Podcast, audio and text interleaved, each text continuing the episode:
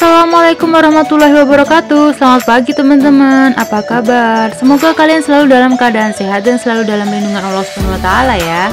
Amin. Sebelumnya aku mau ngenalin diri dulu.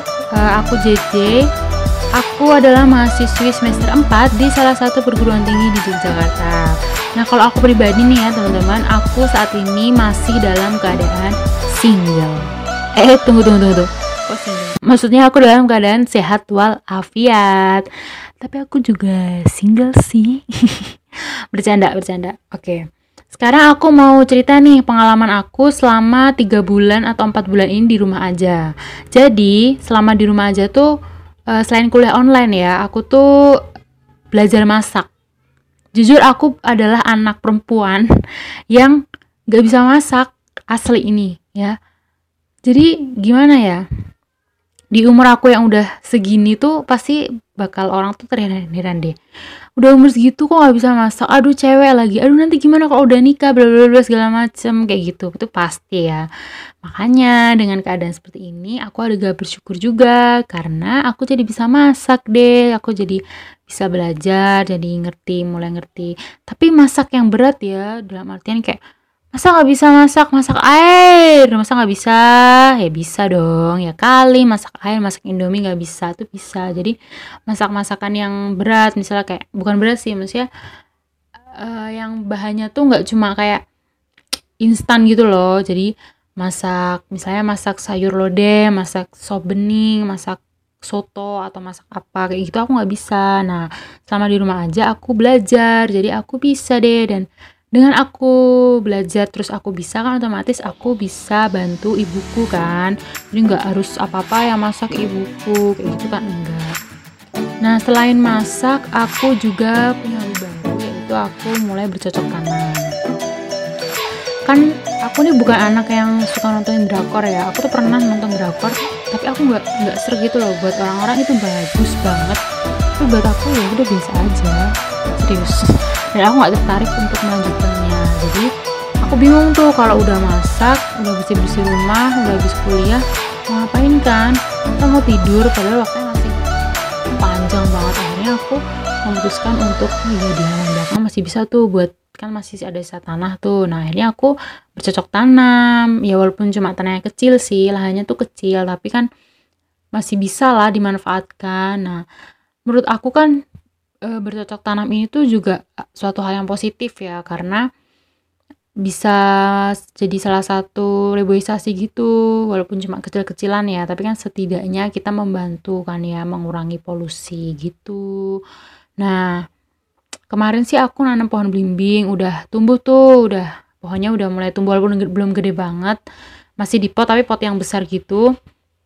Tapi alhamdulillah lah maksudnya dia terus ada perkembangan. Nah terus kemarin aku nanam cabai tapi kalau cabai ini ada sedikit uh, kisah sedihnya sih karena jadi ayam dari rumahnya nenekku kan karena rumah kita sebelah nih. Nah ayamnya beliau ini tuh lepas waktu itu. Terus masuk deh ke lahan yang aku pakai buat nanam cabai ya udah deh dimakan itu semua pohon cabai yang masih imut imut cutie cutie itu awalnya sih aku sedih ya tapi terus aku mikir oh nggak apa-apa namanya juga ayam. Mau gimana lagi kan? Dia makan apa yang ada di depannya dia gitu.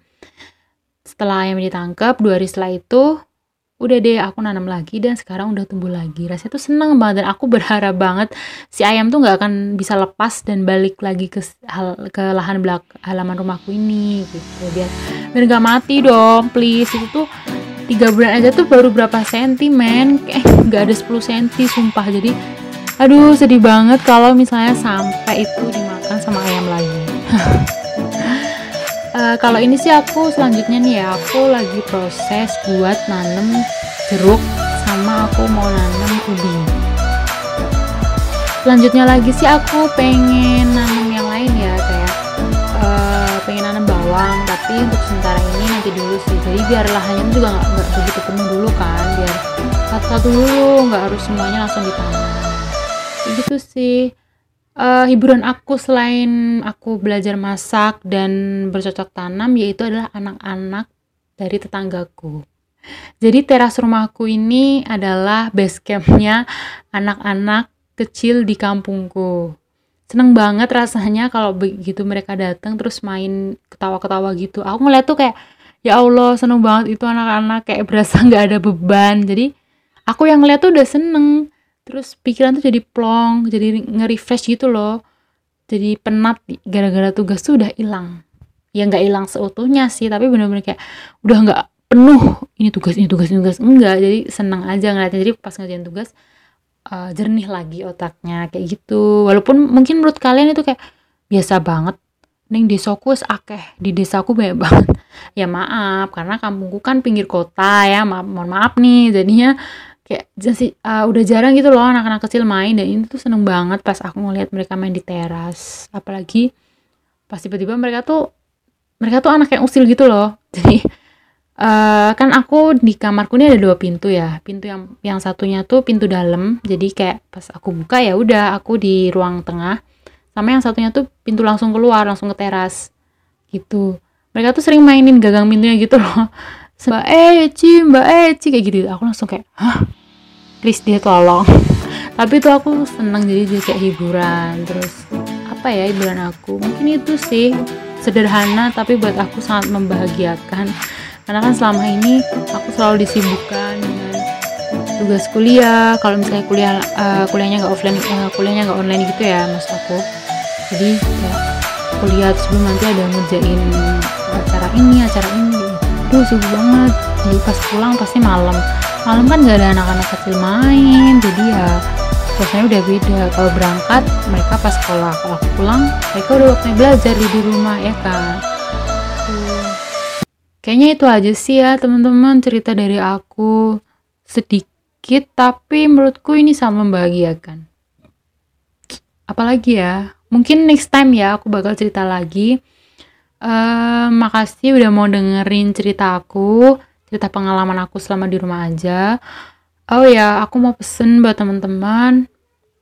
Walaupun ini udah mulai uh, pemberlakuan normal, tapi kan kita uh, si virus ini kan masih menyebar ya. Maksudnya penyebarannya tuh masih benar-benar kenceng banget. Jadi tolonglah ya kalau emang nggak penting-penting banget itu ya nggak usah keluar. Maksudnya aku keluar mau ketemu pacar aku. Please tolong banget jangan sesekali deh boleh tapi jangan berketerusan gitu loh karena ingat di rumah itu kan ada orang tua kita juga atau mungkin ada orang yang lebih tua yang udah sepuh yang rentan terhadap penyakit jadi sayangi diri sendiri, sayangi uh, orang-orang di sekitar kita, kayak gitu. Jangan egois jadi orang, jadi harus memikirkan orang-orang sekitar juga gitu loh. Jangan kayak kan nanti yang kena aku nah yang kena kamu. Tapi kan orang-orang di sekitar kamu juga akan kena kayak gitu. Jadi pesan aku ya kalau emang terpaksanya harus keluar ya tetap menerapkan protokol kesehatan kayak pakai masker terus um,